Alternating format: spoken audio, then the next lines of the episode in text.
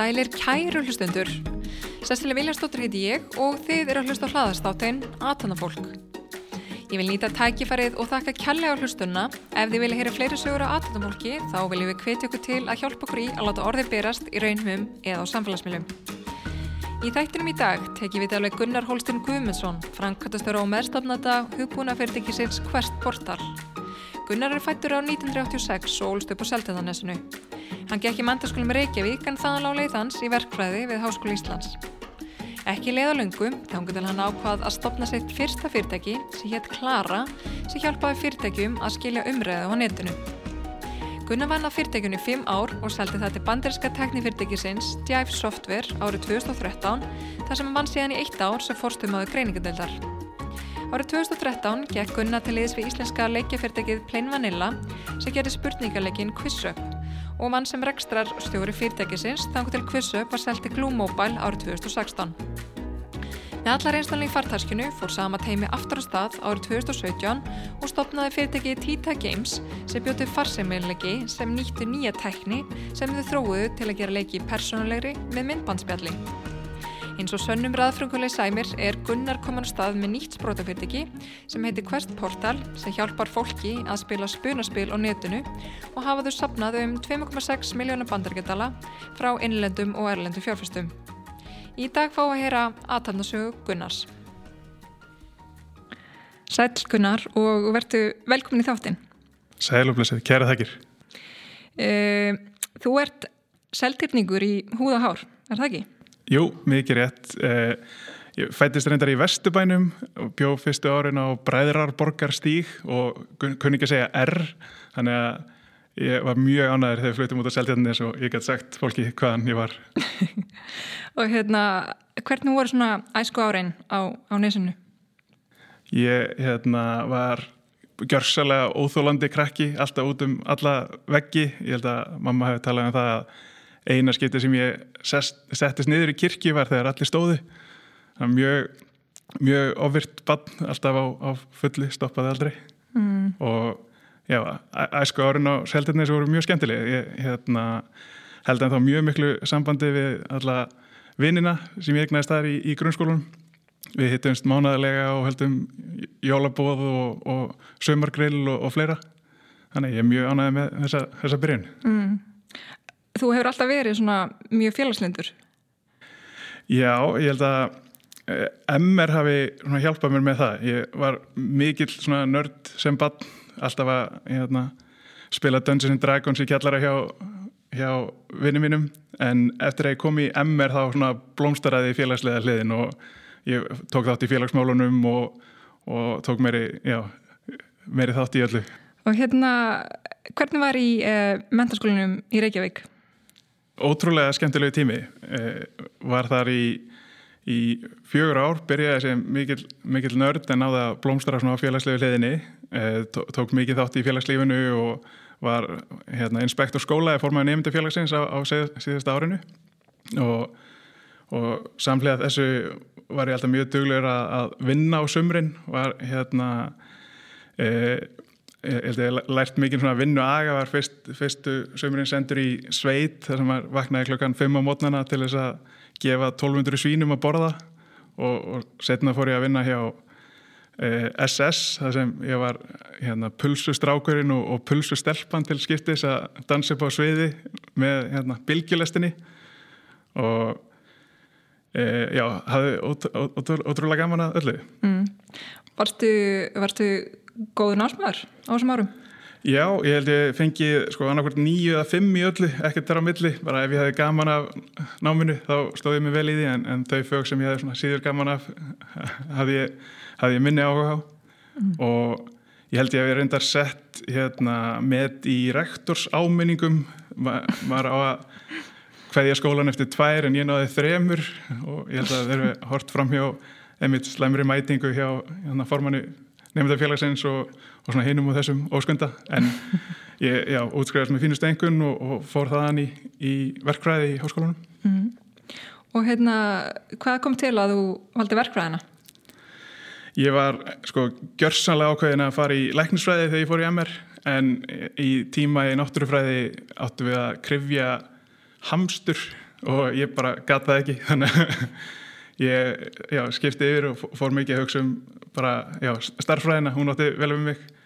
Eh, ég hérna, átti bara mjög, mjög gaman að henni. Hafði gaman að því að bara, já, leysa einhver vandamál og, og á, á uppbólsvæðið mitt á fyrsta ári í verkræðinni var hana, tækni, teikning og framsetning. Þar sem vorum í AutoCAD og teikna hluti þrývit það fannst mér alveg einstaklega gaman. Mm. Og betur, hvernig átti námið við þig? Ég var uh, já, svona ágætur námsmaður, aldrei eitthvað efstur í bekknum en hafði uh, nóg af alls konar öðrum hlutum að gera, var einmitt mikið í eh, félagslifinu og síðan á hérna, senast árnu uh, byrjuði við að hérna, pæli hvað væri hægt að gera í, í einhverjum svona sprótamálum þannig að það byrjaði að hafa hugminn allan og það, það er mikið að ég náði aldrei að klára námið. Þá ferða stað með kluru, fyrsta sprótafyrirtæki sem hún stopnaðir Hvaðan kom eiginlega hugmyndin að kluru? Í einum af þessum mörgu sömarvinnum sem ég var alltaf í, þá var ég hérna e, í svona sömarvinnu á hjá Vífulfelli vann í markasteldinni þar við að annars er sem vörumerkjastjóri í íhlaupum og, og hins verður að skoða mikið af markasrannsóknum sem Vílfell var að gera og þarna var bara, eitt, bara mjög flott markastriði fyrirtæki með aðganga öllu mögulegum markasrannsóknum alls konar e, simringingar og, og, og kannanir og heitt og þetta. Vissu nákvæmlega hvað var að gerast í útvarpi og sjónvarpi og blöðum.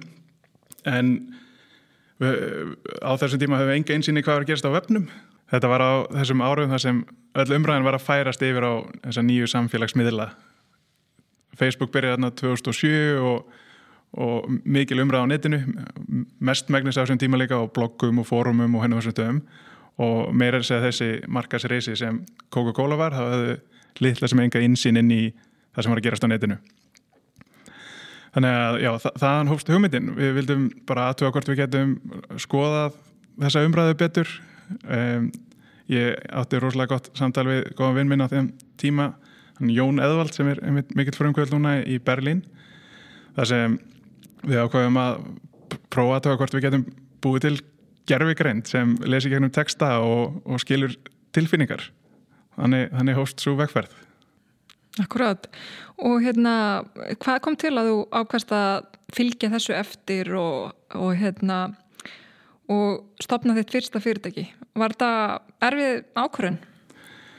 Um, þetta var svona, svona seria af litlum ákvörðunum. Við ákvöðum að taka eina helgi þegar að skrifa eina blaðsíu um þessa hugmynd og senda henni í gulllegið. Uh, við sendum líka með þessa aðra hugmyndin í gulllegið en svo hugmynd fór ekki lengra. Þannig að þessi, þessi hugmynd fekk að pitcha stærri kynningu til, til fjárfesta og, og við gerðum það. Þannig að e, og, og náða þar öðru sæti skrifum eitthvað svona businessplan í kringu það og, sendum það inn í rannís og fengum styrk þar og tölum síðan við fjárfesta og það var svona á einhvern búin eitthvað einn stór ákvarðin, bara svona margar litlar ákvarðinir og þannig að við litum já, bara kerðum þetta áfram mm. Og hérna hvernig fór þetta á, á stað hjá okkur?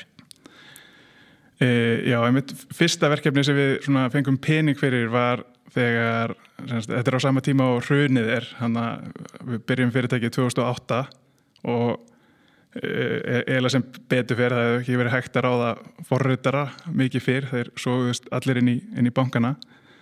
En e, við, við fórum með sagt, þessa hugmynd og semst, lungu áður en við hefum smíðað eitthvað, byrjuðum að reyna að tala við viðskipta vinni og, og fá svona, til að aðtöga áhuga og sjá hvort einhver verið til í að kaupa þetta. Og við tölum við hérna, Íslandsbanka sem, sem var þá að skipta úr nafnunu Glitnir yfir Íslandsbanka og spurðum hvort að þau vildu kaupa þetta og bóðum við svo fundin á hérna, fundarherbyggið okkar við, okkur fannst við vera svo fullfræðin og, og stóra að vera með fundarherbyggi mm.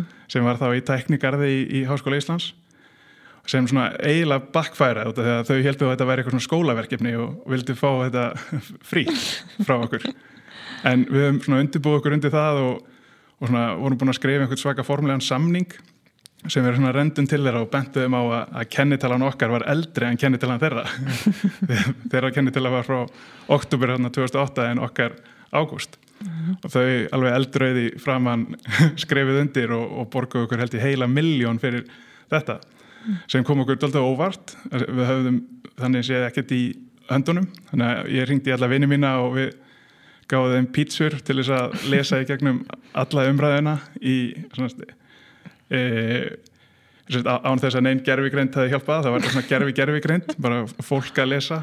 E, þannig að við lásum yfir held í 20.000 blogg og, og greinar um, um glitni og Íslandsbanka og, og mertu þar bara í höndunum og byggur síðan til svona fallega skýrslu í kringu það.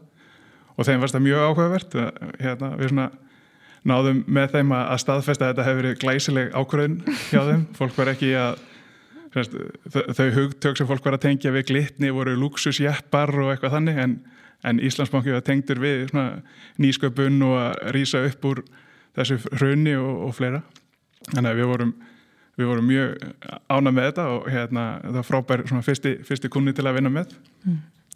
Og hérna hvernig fer þetta svona að rúla hjá okkur af, af alvöru? Uh, já, ég held að svona fyrsta árið að fara í það að reyna að sanna þetta hérna á Íslandi. Uh, það sem við loksins náðum að smíða eitthvað við fundum einhverja einhver svona eh, library textagreiningu til þess að hjálpa okkur, nótum bæði alls konar luti frá árnastofnun fyrir íslensku og, og MIT fyrir ennsku og náðum á kannski svona fyrsta árun að smíða eitthvað sem geði svona stóran part af þessu sjálfvirt og fórum þá strax að skoða hvaða sneiða markanum við getum, getum tekið undir. Og þá voru við hérna byrjuðum á því að tala við CCP sem voru í næsta húsi við okkur. Þekktum ákveðlega til þeirra.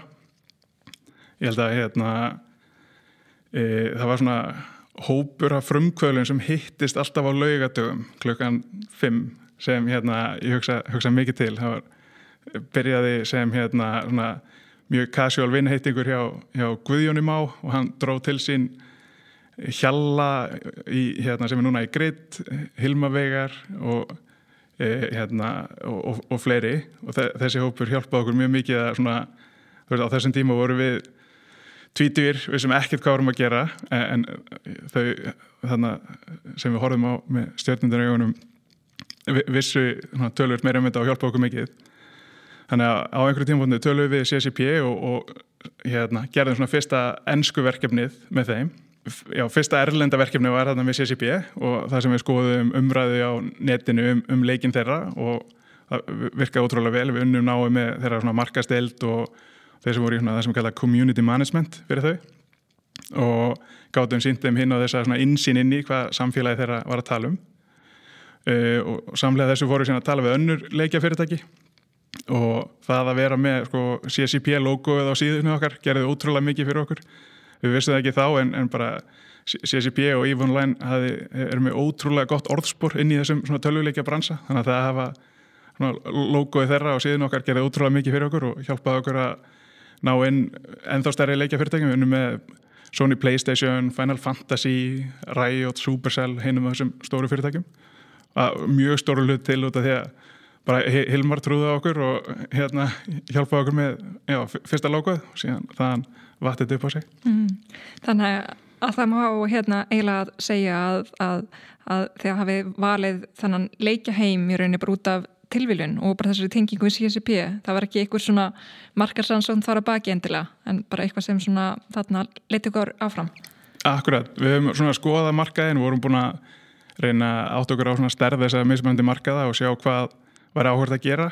Um, en, en einmitt bara röð, röða tilviljunum og, og þessi nálegð við þennan leikja reysa hjálpa okkur að taka þessi ákvörðun. Við vissum það að við þyrtum að velja einhvern veginn að okkur fannst mjög mikilvægt að geta haft fókus og raunin tekið inn e- eitthvað eitt ákveðið inna til þess að verða best í.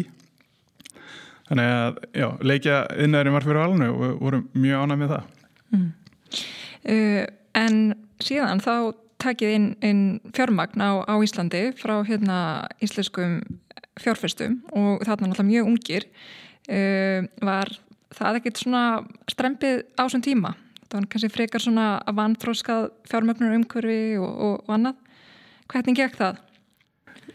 Alveg stórkoslega erfitt og bara mjög fyndi að hugsa til þess hvað við vorum hann að lifandi í rákum fyrirtæki í fimm ár og tókum inn held ég halva miljón dollara, kannski 50 miljónir króna í hérna e, í svona já, fjár, fjárfestinga hvað er það að kalla hérna funding, mm -hmm. fjárfesting e, við fengum líka einn ótrúlega mikla hjálp frá Rannis það, það hérna, gerði mjög gott fyrir okkur bæði svona þau fyrstu til að koma inn með einhvern alveg peningin til okkar og, og, og svona, já, góður stimpill á eitthvað sem hérna einhverjir guttar úr háskólanum voru að gera. E, en ég held að já, við vorum rauninni alltaf að reyna að leita meiri pening en það já, gekk hægt og illa og hérna við meiri að segja þurftum tviðsessinnum að borga okkur engin laun í, í marga mánuði eftir að hafa klára peningin allt og snemma. Og við bara, já, brettum upp ermannar og með þess að fórum í IKEA og keftum kói til þess að hafa skrifstofinni til þess að geta stitt tíman milli vinnudagana. Akkurat. Var, ég er nefnilega man eftir ykkur náttúrulega á þessum tíma og, og hérna, það var alltaf mikil stemning hjá okkur, þið gerðu mikið upp úr því. Hvað var þetta svona hafa hefnast vel hérna hjá okkur, þannig í byrjun? Já, ég, við vorum bara algjörir vinnu algar á þessum tíma bara unnum 16 tíma á dag og hérna já, vorum eins og, eins og, eins og nefnir, við vorum í bjórdælu á skrifstofunni og heldum fullt af svona sprótapartíum og, og mm. hafðum mjög gaman að þessu. Og feimleikar hengi manni eftir. Já, einmitt, einmitt. Eh, en já, það sem var sanns, bara svona eftirminnilegast er held ég hérna, bara að smíða eitthvað sem fólk byrjar að nota og, og fá einhvern til að borga fyrir það og allar þessar hérna, andvökunætir að reyna að komast að því hvað, hvað, hvernig er að selja hugbúnað á heimsmæli hverða? Það, það er svona allavega það er eftirminnilega þetta. Mm, Akkurat, en hérna síðan fann nú að ganga betur hjá okkur og eins og komst inn á áðan að þá hérna seldiði vörunækkar hérna til í rauninni flottar stóra leikifyrirtækja og hérna þú tekur ágrunum að flytja til San Francisco svona til að fylgja svo öllu eftir og, og kannski til að vera nærri viðskiptunum af hverju tókst þá uh, ákvörðun? Eh, við áttuðum okkur á því að bara það að setja á sena sölumanna hatt og selja eh, hugbúnað væri allan á þessum tíma tölvert, tölvert erfiðara. Ég hef búin að fara mjög margar flugferðir út og við eiginlega bara áttum ekki efni á flugferðinni heim sko, þannig að ferðirna auðvitað lengri og lengri ég fekk að já, sofa fyrst á sófanum hjá vinið mínu sem var í Berkeley á, á þessum tíma hérna Kári Steitt sem var að taka meistaragráði Berkeley. Og það var bara miklu ódýrar að vera þar úti lengur. Þannig að ég notaði fyrst einhver svona þryggja og sex mánuða að vísa og fekk síðan dvalarlefi þannig að það var aðalega bara held ég einhver svona bootstrapping aðferð að, að, að flytja út. En, en það hjálpa okkur ótrúlega mikið. Gaf okkur kost að því að hitta viðskiptavinnina oftar og já, bara tengist þið betur hlusta betur á hvað þeim vantaði og hvernig þau voru að vinna vinninu sína hvernig var hann okkar passað inn í þeirra líf mm -hmm og hérna hvernig uh, gekk svo úti? Hvernig verður að vera hérna ungur frumkvöld frá Íslandi að reyna að selja stórfyrirtækjum vörna sem þau hafið búið til?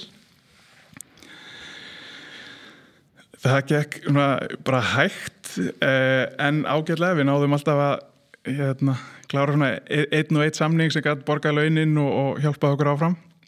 Eh, ég held að það hjálpa ótrúlega mikið að vera með hérna, ágætt network, ég man að einhvern veginn þegar ég var á röldum San Francisco þá fekk ég símtal frá númeri sem ég þekkt ekki og einhver Davíð var þar og spurði bara Íslendikur í borginu minni hvað þetta gera og hann bauð mér í e, sushi og kvítvin og við kynntumst þar vel og, og þá var hann hérna, fórstjóri Unity, hann Davíð Helgason og e, eitt svo allra vel tengdasti allavega hérna eins og þekkir sem var hérna hjá þér og hann opnaði fullt af hurðum fyrir okkur og tengdi okkur við hinn á þessa sem e, e, ger okkur kleifta einmitt, ná, ná lengra mm -hmm.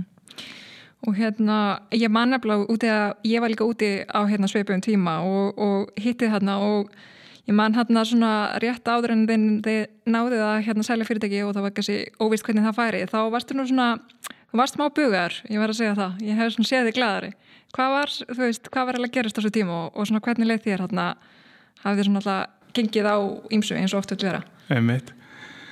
Já, þetta voru ótrúlega erfið ár, eftirminnilegu erfið, eins og ég nefndi upp, að kláraðum peningin okkar tveisvar og vorum bara örfáum mánuðum frá því að klára hann aftur þannig að undir lokin þegar við ákvæðum svo að selja ég held að það er líka að vera í, í San Francisco og vinna með teim á Íslandi tekur á. Það vera ekki nálagt teiminu og vera ekki nálagt svona ákvörðanatökunni í, í hugbúnaða gerðinni ég held að Já, þetta er bara ótrúlega, ótrúlega strempið, ég held að flestir í, í þessu sprótarrokki þekki það, þetta er ótrúlega, ótrúlega erfitt. Te tekur á. Mm. En hérna síðan, hérna árið uh, 2013, þá hérna, þá sagt, kaupir banderiska teknifyrirtikið Dive Software uh, Klara og Dive Software það býr til svona ímiskunar viðskipta hugbúnarlausnir. Uh, hvernig kom það til að, að hérna, já, hvernig kom þessi sala til? Uh, einmitt, hann, Davíð tengd okkur við sína fjárfesta, Sequoia við rættum, rættum við þá um, um svona funding og, og Jive var þá annars svona portfóljó fyrirtæki hjá, hjá Sequoia uh, sem við hittum líka í tengslu við svona due diligence á, á funding fyrir okkur. Og Jive hafði þá sem sagt kannast við okkur og það er sá að mikið að þeirra viðskiptavinnum var að nota okkur sem þeirra svona greiningatól. JF bjóður henni til svona fórumkerfi sem meðal annars eh, eh, Playstation og fleiri voru að nota. Þannig að þú fórst á community.playstation.com eða, eða þannig síður og notaðir sástu hugbúnaðin þeirra og þau sá reyna þar að við, við vorum sagt, að, króla eða sagt, downloada öllum gögnunni þeirra bara daglega og höfðu, höfðu þekkt til okkar. Þannig að já, í, í, þetta byrjaði sem einhvern svona due diligence eða ég veit ekki hvað íslenska orðið við það er en þess að þið voru bara hérna, skoða svona tekninu okkar fyrir, fyrir svona næsta funding. En, en sá sér að hérna, þetta var bara stort gati í þeirra vöru frambóði, þau voru með fullt af vöru með vantaði svona greiningatól einhverja, eitthvað tól fyrir þeirra, þeirra viðskiptavinni að skilja sín samfélag betur. Þannig að þau stungu upp að því. Ég gleymið ekki, við sátum á einhverju, einhverjum bar í, í hérna, Palo Alto og það, var stopnandina Jive og, og hann svona yfir, heitir svona corporate development. Og þeir voru svona pínu svona smekir eins og þeir væri að fara að bjóða okkur á fyrsta date eða eitthvað, það var svona, svona fyrringur í þessu pínu, pínu skrítið og síðan spurðuði bara megu við kannski kaupa ykkur? Og hérna, við vorum svo alls ekki að búast þessu en fannst, fannst mjög ákvæmvert að svona skoða það og svo í framvæð því gerast það frekar rætt, ég held að þessi spurninga hefði komið upp í desember og við kláruðum söluna í april, e-, eitthvað um það leiti það voru svona nokkru mánuður og trúlega skemmtilegt ferli en, en aftur bara byggt á röð minni ákvarðuna og tilvílina sem, já, leti okkur þá leið. Mm. En hérna þarna varst að selja svona fyrirtækin alltaf í, í fyrsta skipti uh, hvernig svona gekk þetta allt fyrir sig? Svona var mikið sem kom á óvart í þessu ferli? Já uh, á, á þeim tíma þá hérna var svona tekin ákvarðun að því að stjórninu okkar og fjárfæstunum okkar að hérna, það að vera með þannig gunnar út í San Francisco gerðsælega hérna, óþólandi ofirkur allstaðar þá þyrti við einhverjum svona, svona parental supervision þannig að við, hérna, okkur var gert að ráða svona CFO, CEO til að hjálpa okkur einhvern eldri og, og reyndari. Þannig að við fengum þar einn e, alveg algjörna snilling sem heitir Sveinbjörn Indriðarsson sem var svona okkar pappin okkar eða afin okkar. Og hann tók svona, já, þorran af þessum svona alvarleiri samningaviðræðum við, hérna, við þetta fyrirtæki uh, sem ég held að hjálpa okkur ótrúlega mikið hann, hérna, já, gaf okkur allan þetta svona tröst og, og þennan svona um, já, svona meiri yfirvegun heldur en, heldur en við höfðum. Við leitum út eins og bara, já, einhverjir krakkar þarna að hlaupum og selja hugbúnað og, og smíða einhverja gerfi greint en já, það, það hjálpaði. Uh, ég held að það hefur verið ég veist um að Salman hefur verið gegn ánans sko, þannig að það hérna, gerði, gerði mikið fyrir okkur. Mm -hmm. En hérna fyrirtækja var, var selt fyrir um 10 miljónir bandarækjadólara eða um 1,2 miljar íslenskar króna sem var heilmikil eh, peningur náttúrulega sérstaklega þessum tíma eh, breytist líf þitt mikið svona persónulega við söluna? Nei, eh, þannig séð ekki, ekki. Þetta var hérna já, þetta var ótrúlega, ótrúlega skemmtilegt en ég held að það hef ekki breytt neitt rosalega miklu. Ég gætt geft mér hús sem ég gerði reyndir ekki fyrir að ég flutti aftur í Íslands en eh, ég alltaf haldið áfram að reyni, já, vinna ég mikið. Mingaði svona aðeins já, stressið og svona áhyggjurnar og, og þannig. Eh, en ég er ennþá að vinna við það sama og ég hef verið að gera og, og stunda, stunda sömu svona hobby og svona þannig að það breyti ekki, ekki neinu ekki neinu, neinu það miklu þannig séð Akkurát, en hérna en er marg sem þú hefur viljað gera öðruvísi með klöru svona þegar þú lítur í baksinu speilin kannski með allar einslanum sem þú ert með núna? Það að byrja á Ísland er eitthvað sem ég oft hugsa svona tvísar um. Það er svona, mér er svona ekki alveg vissum það hvort að þetta sé frábær markaður til þess að svona láta reyna á vöruna eða hvort þetta hefði hægt á okkur ég held að það er svona eitthvað sem ég myndi vilja skoða aftur. Eh, alveg fyrsta árið fór ég bara að selja til ís, íslenskara fyrirtækja og við seldum til eitthvað kannski hundra fyrirtækja.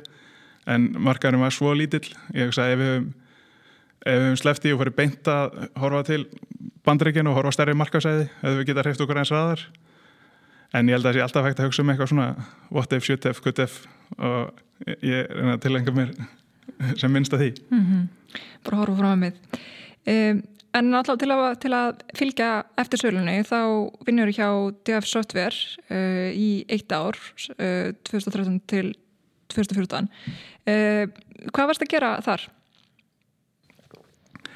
Ég hérna, fekk þá rullu að vera yfir greiningadeldin eða analytics um, og átti mjög erfitt með að fókusa á það. Hérna, mér fannst alls konar aðri hlutir ekki nógu vel gerðir hjá þessu fyrirtæki og var mjög hávær um það. E, átti að flytja einhverja kynningar fyrir svona executive teimið þeirra um analytics og, og öll kynningin fóri að tala um svona mobile strategíuna þeirra.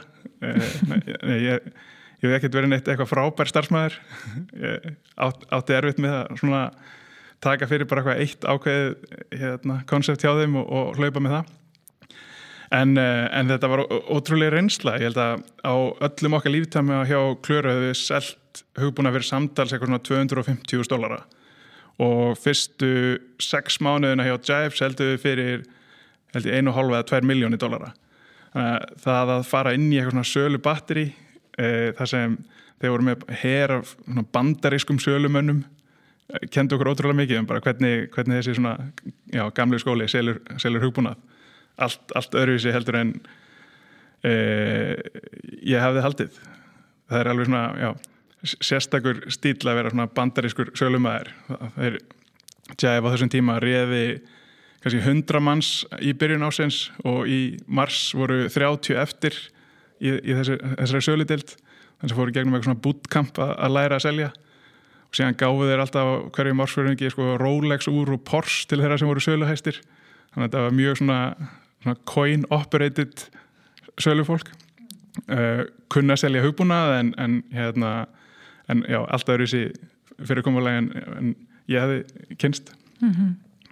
En náttúrulega þú er náttúrulega bjóst ennþá út á þessum tíma hana í uh, Kísildalum hérna, hvernig kunnur við þið þar til að búa á þessu svæði? Ótrúlega vel, æðislegt svæði ég held að hérna, bara San Francisco og þessi svona Silicon Valley Bay Area, þetta svæði muni alltaf hafa gríðarlega mikið forskot á, á tækni framfarir. Mikill söðu pottur mikið að klára fólki hérna, háskólar, mjög mikið að fjármagni. Þannig að ég, ég kunni rúslega vel við mig, við mig þar. Alltaf hægt að hérna fara í útrúlega áhugaverð kaffíspjöll við hinn og þessa. Uh, öll þau sem ég hitti þarna voru ótrúlega drifin mjög passionate um það sem við vorum að gera, ótrúlega mikið að klára fólki. Og það er svona, já, ít, ítti við manni maður fór að hugsa stærra og já, miða herra mm -hmm. Akkurat. Þetta er mjög sérstakt svæði. Eh, en síðan hættur þú að, að vinna hjá Jive og hérna, hvað er að kom til að þú ákast að hætta svona snemma hjá fyrirtekinu? Eitthvað svona, eitthvað sprota gen eða einhver, einhver svona adrenalin fík eh, ótrúlega skemmtileg upplifun en bara átti ekki alveg við mig að vera þarna svona lekkjar við, við þetta fyrirtæki lengur. Þannig að samt um það að fá að hætta þarna eftir, eftir nýju mánuði og fór svona lítið kringum mig og hitti nokkuð fyrirtæki hérna úti en, en á sama tíma var hann Þorstein Baldur sem var, var þá með Plain Vanilla uh, mikið hérna úti og hérna, við með þess að byggum saman um tíma vorum að hérna, leia saman, saman íbúð. Þannig að við vorum alveg á hérna, mjög mörgum svona töflufundum og, og mjög eh, miklu spjalli um, hérna, um QuizUp og, og Plain Vanilla þessum tíma. Þannig að já, ég ákvaða hérna, að já, koma til þessu hans og, og hjálpa til við, við það æfintýri mm. Já, og þú hérna hefur störf hjá Plain Vanilla sem rekstastjóri fyrirtækisins í, í þá náttúrulega kannski mjög litlu teimu en hérna var ekki erfitt að, að, að vera þá ekki stopnandi beint fyrirtækisins? Þú veist kannski ekki alveg í svona bílstjórnsætinu en samt svona hliðan á bílstjórnum en þannig og þeir náttúrulega gera þetta saman. En var það ekki svona erfitt fyrir þig? Bara, já, öðruvísi öðruvísi eventri, sko. Þá, hérna e, já, Þorstein Baldur lit mig ekki horfa bara á eitthvað eitt bara, bara analytics eða bara eitthvað eitt ákveði svið, heldur, voru, já, einmitt mikið í þessu saman, náttúrulega fyrirtækið hans og, og hugmyndin hans og, og hérna vissin hans e, og ég svona fekk bara hjálpa til við að svona móta teimið og e, hérna, ráða fólk og já byggja, upp hitt og þetta hjá, hjá var líka ótrúlega mikil skóli. Mjög mikil lærtamur þar líka. Mm. En hérna og, og náttúrulega þú varst náttúrulega partur af teimi sem, sem var að leiða þessa stækkun fyrirtækisins bara frá litlu teimi og í um 90 manns á bara mjög stöðum tíma. Uh, og ef við tölum aðeins um svona teimi og teimis uppbyggingu uh, hérna, hvernig gekk svona að, að hjá þér til dæmis að setja upp uh, stefnu fyrir þessa vinnustöða menningu og hvernig ætti að skipulikja þessu, þessa vinnuferðla og þegar ég veit fyrir víst að þú hefur mjög mikinn áhuga á öllu svona Hvað, hérna, hvaða leiður svona ákveðið þið að fara og, og svona, hvað fannst þér að reynast vera best?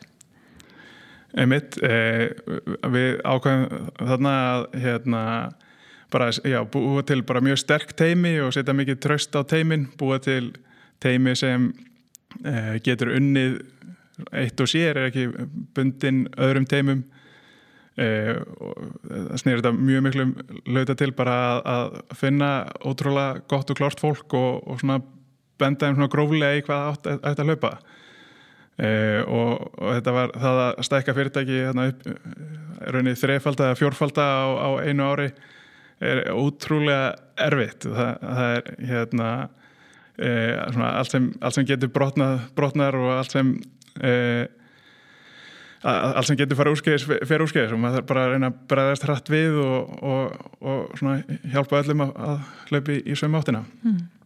En hvaða svona áskorunum voruð helst að lendi í, ég er henni tengt þessu?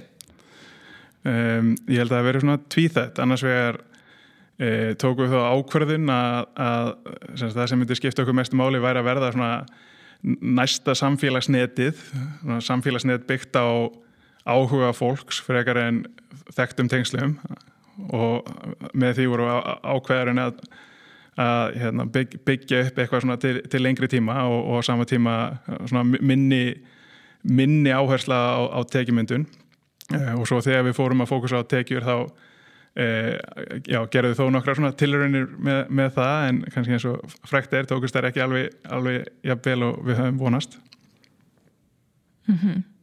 Akkurat og hérna síðan náttúrulega var uh, QuizUp selt til Glue Mobile árið 2016 og við fáum kannski Þorstein hérna stafnanda pleinvanlega einhver tíman í heimsótt til að segja ykkur alla söguna uh, en svona hvað lærður þau mest uh, af þessari fimm ára rússibannareið með QuizUp? Ég held að e, það, það sem svona, ég hef tekið hvað mest, mest frá þessu æfintýri er bara það sem ég lært að held ég á hann um Þorsteini Baldri. Hann er svona, mikill hugsunamæður þegar kemur að, að vöru þróun, mikill fullkomnuna sinni og mjög gott auga fyrir policy og, og hvernig það er að, að hugsa um vegfæri notendans og, og búa til eitthvað bara sem fólk, fólk elskar.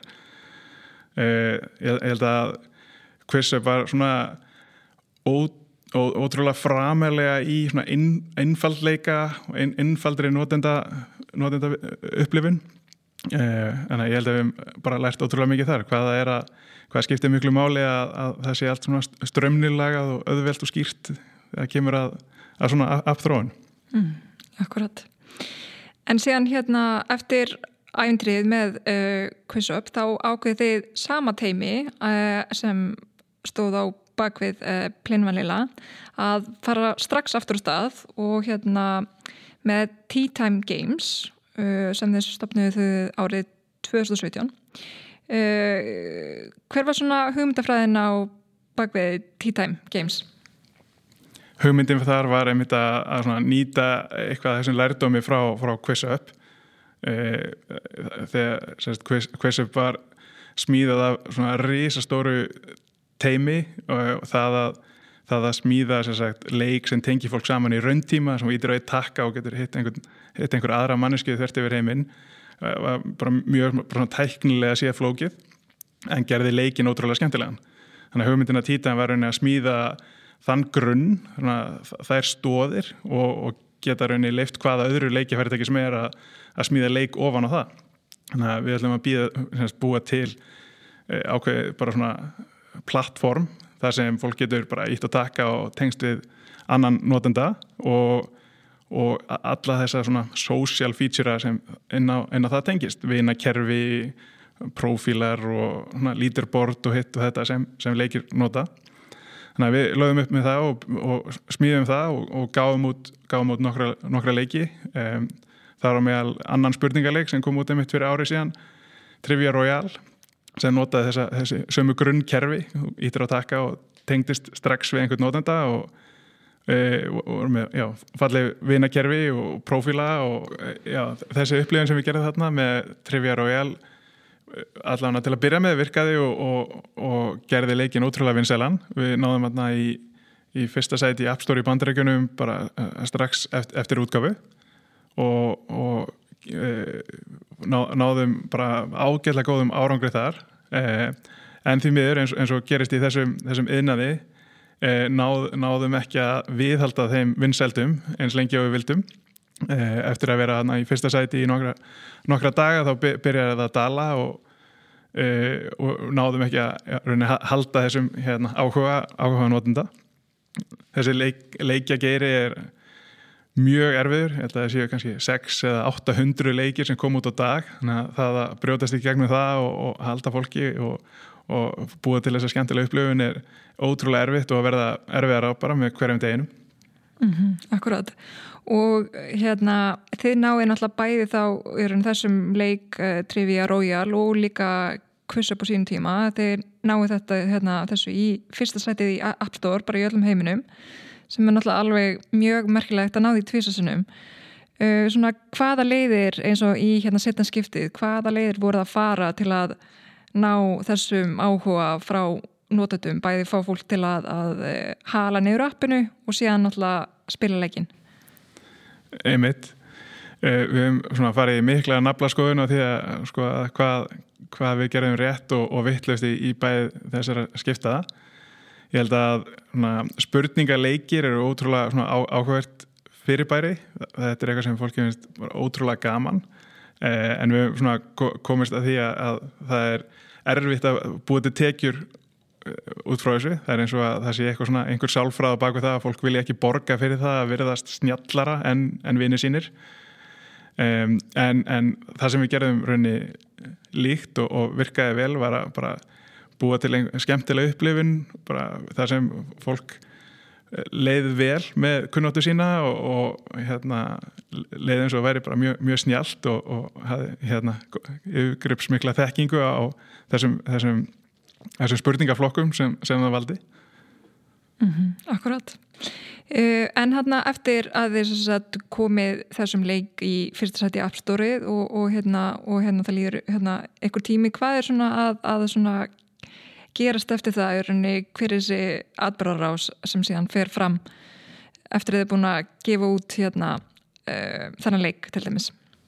Einmitt, eh, já, gaf maður út, út þarna fyrir ári síðan og, og byrjaði vel og, og, og oft er einhverja verður ná vinsældum og takast á flug þá byrja fjárfestar að hafa samband við okkur og við vorum þá að undirbúa það að fara í næstu fjármögnunar lótu við höfum semst, tekið inn eh, held ég 10-11 miljónir dollara í, í fjármang frá fjárfestum á þeim tímbúndi og vorum að undirbúa næstu lótu um, en á sama tíma hafði eh, annað fyrirtæki í sambandi okkur sem vildi kaupa okkur. Þannig að við fórum í viðræðir við það að, að ganga inn í, inn í semst, til þess við það, það fyrirtæki. Ég veit ekki hvort að ég megi segja hvað fyrirtæki er. Jú, örgulega, Amazon er með einhvern svona leikja deilt og vildi að við erum svona síma leikjadeildin þeirra. Og þannig að við hérna, hittum, hittum þetta fyrirtæki bara daglega frá síðasta sömri bara í nokkra mánuði. Eh, en eftir því sem vinsældin er á, á leiknum döluðu og, og, og lengra leið frá því þá vissnuð upp úr þessum viðræðum og um, um jólinn hérna, slittum við viðræðum. Eh, og þá óttu við tvo mánuði eftir af, af þessu svo kallega runway. Og eh, höfum þá samband við Eftir að pinningunum, já.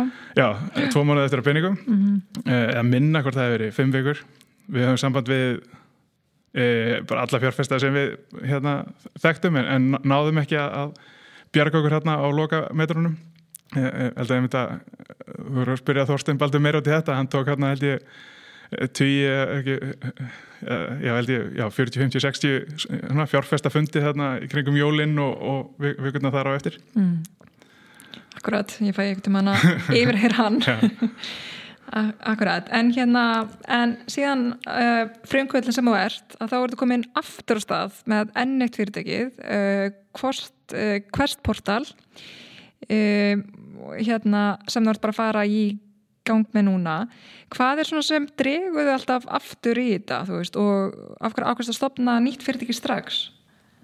Já, þetta er góð spurning, ég held að hérna, kona mín, Elisabeth eh, hlær mjög mikið að mér alltaf svona á milli fyrirtækja þá er ég gjörsanlega óþólandi pitcha nýri hugmynd til hennar þreysor á dag og, leiði hún verður spennt fyrir einhverju þá er ég komið næstu hugmynd.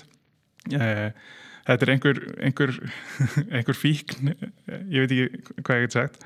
Það er, ég held að partur af þessu er bara barnsleg jákvæðni sem hérna Þetta með hugsa bara hvað sem er sé hægt og það hefur aldrei nokkur tíman í heiminu verið betri tími til að stopna fyrirtæki.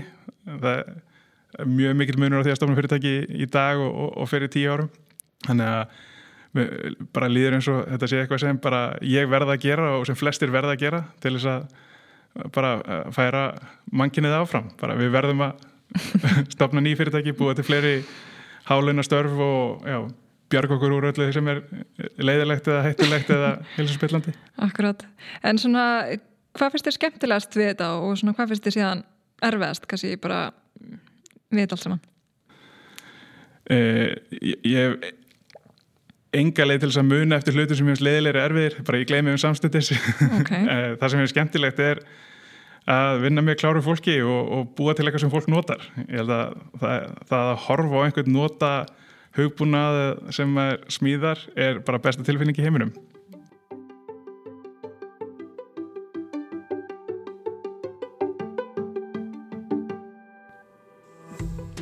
Ég gerir ég stuttlið til að færa ykkur skilabóð frá kostunarlega þáttarins. Það er alltaf þægilega að fljúa alla leið á áfangastað á einum flugmiða. Vissið þú að Æslandi er á í sérstöku samstarfið önnur flugfélög sem gerir þér kleift að ferðast til mun fleiri áfangastada en þig grunar og bara á einni bókun. Öll samskipti farið gegnum Æslandi er, þú innreitaði þig aðeins einu sinni, farið einn miða og flýgur þá hluta leiðarnar með Æslandi er og hluta með samstarfsfélagi. Og aftur að viðtalinu. hvað, hvað gerir uh, Quest Portal og, og hvaðan kom hugmyndin að fyrirtekinu?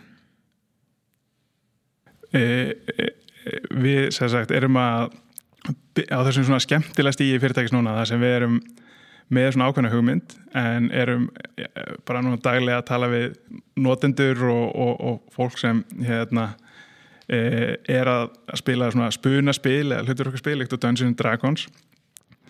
E, þetta er búið að vera svona mjög mjög stort bara áhuga mál hjá mér síðan ég var bara 13 ára bara spilaði mjög reglulega og hef, gaman að þessu. Þó svo ég verið í þessum hérna snjall síma leikjum þá hefur þetta verið mitt helsta átleta af, af, af leikjum eftir títæm þá hérna, fór ég og hitti hann Munda frænda minn. Við tókum bara svona brainstorming á, á kjarval og, og, hann hefði mitt spilað svona með mér, svona spurarspil með mér einhvern tíðan fyrir löngu síðan og, og svona viss áhugunum mínum þar. Og þannig að já, hugmyndin svona rættist í, í þeim samtölum og Pæl, pælingin er að sagt, eh, kannast þú við spunarspil, hefur þú prófað spunarspil? Já, já, ég veit hvað er en hérna, þú mátt endilega skýra þetta út fyrir hérna hlustundum líka, líka þessa íslensku hérna, þýðingu. Spunarspil, spunarspil. á ennsku, á falleira ennsku tabletop roleplaying eh, gengur út af það að eh, fólk kemur saman og semur sögu saman. Það er ein manneskja sem er spunastjóri eða, eða dungeon master sem loðsar fólki áfram. Eh, og hinnir spila ákvæmna karaktera eða ákvæmna personur. Eh, og oft gerist þetta í einhverjum ævindir heimum eða í, í framtíðinni. Og þetta er eitthvað eitt af svona, svona original leikja formatunum, var mjög vinsælt í þetta 1980 eh, en, en síðastlegin svona sex ár hefur, hefur vinsældirnar við þetta aukist enþá meira og, og fólk sem spilar þetta núna í miklu mæli á, á netinu er að nota annars vegar bara Zoom og, og svona e, þannig samskiptafóri til að spila. E, og, og e, hugmyndin okkar er að byggja upp ákveð app eða forrið til þess að hérna annars er auðvitað fólki að spila eh, hjálpaði þeim að komast betur inn í karakter eh, hjálpaði þeim að eh, sagt, gera þetta aðgengilegra og auðvildra fyrir fólk að komast inn í, inn í þessa heima þannig að já, við, við erum á þessu áhugaverð tímfili þar sem við erum hérna, ekki komið með þetta svo kallar product market fit við erum bara svona, mm -hmm. með, með ákveðna ákveðna hugmyndum þar sem við viljum gera og erum að bara svona prófa að setja því hendur á okkar svona fyrstu nótendum og -hmm. sjá hvað virkar og breyðast rætt við. Mm -hmm. Þannig að þið eru að færa þetta gamla format ef svo má segja að náttúrulega fólk var að hýtast yfir í yfir, yfir á netið því þar sem allir geta spilað svona saman í gegnum netið, þessa leiki. Emmitt, emmitt. Vi, við erum mjög heppin við, með það hérna á Íslandi að búa hérna flestir á sama stað, bara hérna flestir búið í Reykjavík, þannig að við, við getum spila spunarspilinu okkar hérna saman heima í stofu en, en flest öllum löndum í heiminum, þá býr fólk eh, langt frá sínum uppvakstar eh, vinnum þannig að það, það að búa til einhvers konar rými fyrir fólk til að leika sér á, á netinu eh, er bara svona mjög áhugavert tækifæri sem við erum núna að skoða mm -hmm. Og hérna fjárfæstarnir, þeir hafa verið þessu samalá að þetta sé spennandi tækifæri og þeir hafi nú hérna, strax lokið fjármögnun á bara mjög stöftum tíma frá, frá hérna, mjög uh, flottum og eftirsóttum hérna, fjárfæstarsjóðum og uh, upp á, á hildar upp á, upp á 2,6 miljónir bandarækjadólara uh, getur sagt okkur aðeins frá hérna, þessari vegferð út af því að þú hlýtur að vera orðin svona daldi sjóaður í þessu, náttúrulega búin að gera þetta nokkru sinnum og svona, hver er þín uppskrift? Hver er svona, hvernig ferði eila að þessu? Opnaðan á bókina. Já, um, mér fannst mjög mhm. áhugavert að sagt, einn af þeim sem bara tapaði öllum peningunum sínum á, á tea time eh, fekk síntal frá mér mánuði setna og, og ákvaði að setja pening aftur inn ég held að lýsi mjög svona, þessum, þessum heim fólk er að veit hversu áhættu samt þetta er fjárfestarnir vita að það er oft mjög litla líkur á þetta takist en þegar text getur að veri bara mjög, mjög skemmtilegt og, og svona áhugaðsum vegverð um, við, Já, við fórum raunni ekkert rosalega langt við töluðum ekkert við, við svo margældir aðalega bara fólk sem við unnum með áður eða þekkjum í gegnum svona tengslanetti okkar. Og e, bæði voru þau spennt fyrir þessum markaði sem er að stækka rætt teimi sem erum unnið mikið saman áður við erum að stóra hlut til bara teimi sem vann saman á, áður í T-Time og, og einmitt e, tveir okkar voru saman í klöru líka unnið saman á síðustlegin 12 ár sem hérna, gera það verkum að bara það er e, e, engar uppákomur sem við veitum ekki af, við bara höfum unni vel saman á sem teimi um, og já, svo held ég bara lært mjög mikið ánu Þorstinni Baldri við að hérna, búa til skemmtilega sögu um, um æfindir sem maður vil fara í. Bara tekna upp ákveð svona á, ákveðna, sögu um e, í, í kringum þetta pitch. Svona flestir sem hérna, eru með eitthvað pitch er alltaf með eitthvað tíu glæru þar sem fyrsta glæran er vandamál, svo, svo er markaður, svo er eitthvað teimi og, og þetta. Uh, en það sem við finnst svona áhugaverð að gera eftir að síðan hérna, Þorstein Baldur pitcha tögum með hundruðum sinna er að tekna þess að hugsa þetta meira út frá um, einhverju svona tilfinninga rússipanna fjárfestisins á, á meðan hann hlustar á hlustar á, á pitchið. Uh, já, það sem kallum svona hero's journey í, í þessum fræðum þar sem þú byrjar á því að varpa fram svona einhverju áskorun sem pitchið síðan svarar og, og kemst yfir og, og endar á einhverju svona, svona hápunkti í mikil innfaldari mynd. Mm, Svona eins og bara góð saga í raun. Já, eins og já, uppbyggingi á góðri, góðri skaldsögu Akkurat um, En hérna, uh, hvernig ætlar að gera þetta fyrirtæki öðru sig heldur en uh, hinn þrjú sem þú, sem þú komst að í byrjun? Svona, hefur þú hugsað út í það? Já, um, ég held að bara, já, reynsla síðustu fyrirtækja mun bara hjálpa mann að taka kannski svona, eða skýrara ákvarðanir.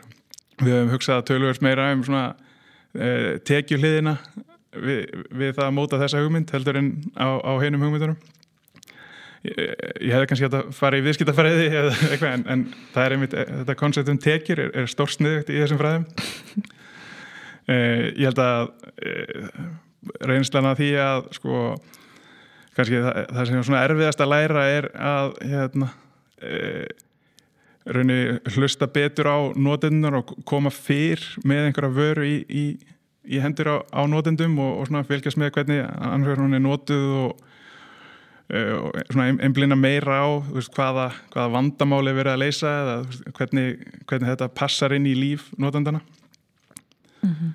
uh, núna er við sagt, að, að tala við alveg ótal marga spilara sem spila spunaspil og, og erum að fara í gegnum mjög svona strúttiruð samtöl um það bara afhverjuð er að spila spunaspil og hvernig það, svona, hvernig það hefur áhrif á líðera og í, í hvaða samhengi það gerist hvernig þeirra ákvarðan að taka er og, og fleira og ég, ég held að ég lært mikið í því að svona, hlusta á notendur á, á klörutímanum og, og í, í výlfelli en núna já, er þetta orðið svona já, miðpuntur fyrirtækins og svakar að hérna, reyna að, að fylgjast bara vel með því hvernig, hvernig við getum passað þar inn Mm -hmm. Og uh, hvernig getur svo hlustendur hérna, átt vonaði að byrja að nota uh, hvert portal? Um, þegar þessir þegar svona fólk sem er að þegar fólk sem við höfum fengið inn í svona alfa útgáðan vörun okkar er brjálæðislega hafmyggi samt, þá munum við já, taka inn, taka inn fleiri meira fólk. Akkurat, einhver tíma svo sagt. Einhver tíma, já. En hérna, ef við einblýnum smá bara uh, á þig uh, persónulega um, hérna, veist, ég veit og leggur miklu áherslu á sjálfsrækt og hérna, bæði persónulega og líka í þinni atvinnu. Svona hvaða leiðir hafa gagnast þér uh, best í því og hvað er það að gera? Uh, já, mér finnst alltaf mjög áhugverð að gera tilraunir á sjálfu mér. Hérna, reyni að vera alltaf með einhverja nokkra tilraunir í gangi. Uh, ég held að það, það og, og misjant hvað virkar fyrir mismöndi fólk. Ég áttaði með á því mjög bara ungur að ég þurfti að hafa mjög skýran to-do lista fyrir fram mig til þess að koma einhverju verk. Það er einhverju leiti kannski einhverju ægi sem kom frá mömmu minni, ég mátti ekki fara út að leika fyrir ég hef búið með alla heimavunna eh, og, þannig byrjaði svona einhver, einhver svona to-do lista neigð uh, en ég held að já, það, það er mismöndi hvað hva virkar fyrir fólk. Ég, núna er ég að semst, prófa að vera vegan, mér finnst það mjög áhugavert. Búin að prófa það í þrjú ár. Það er mjög, mjög, mjög skemmtileg upplifun.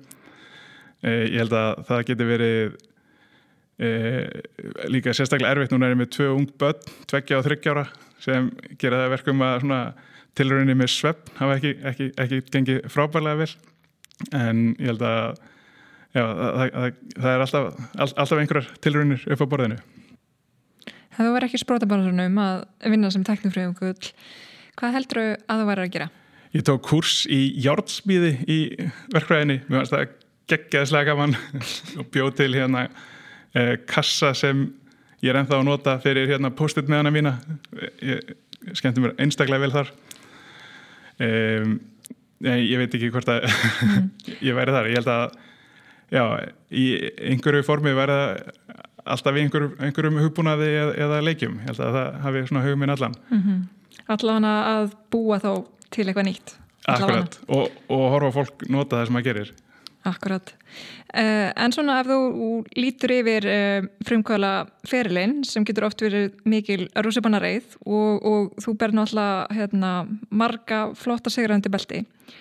Uh, hvað á þessu heldur sé hefni og hvað er hefni og af hverju heldur að þú hafi náða að gera það sem svona marga sem er í fyrirtækjarækstri dreymur um að gera? Ég held að alveg ótrúlega margt að þessu hefur verið bara rauð af tilvillinum og, og, og, og hefni. Eh, ég held að um mitt bara tímasettingin á því að eh, byrja fyrirtæki sem hlustar á eh, rödd internetsis á sama tíma og samfélagsmiðlunir er að byrja. Það er einskjör tilviljun og hefni. Ég held að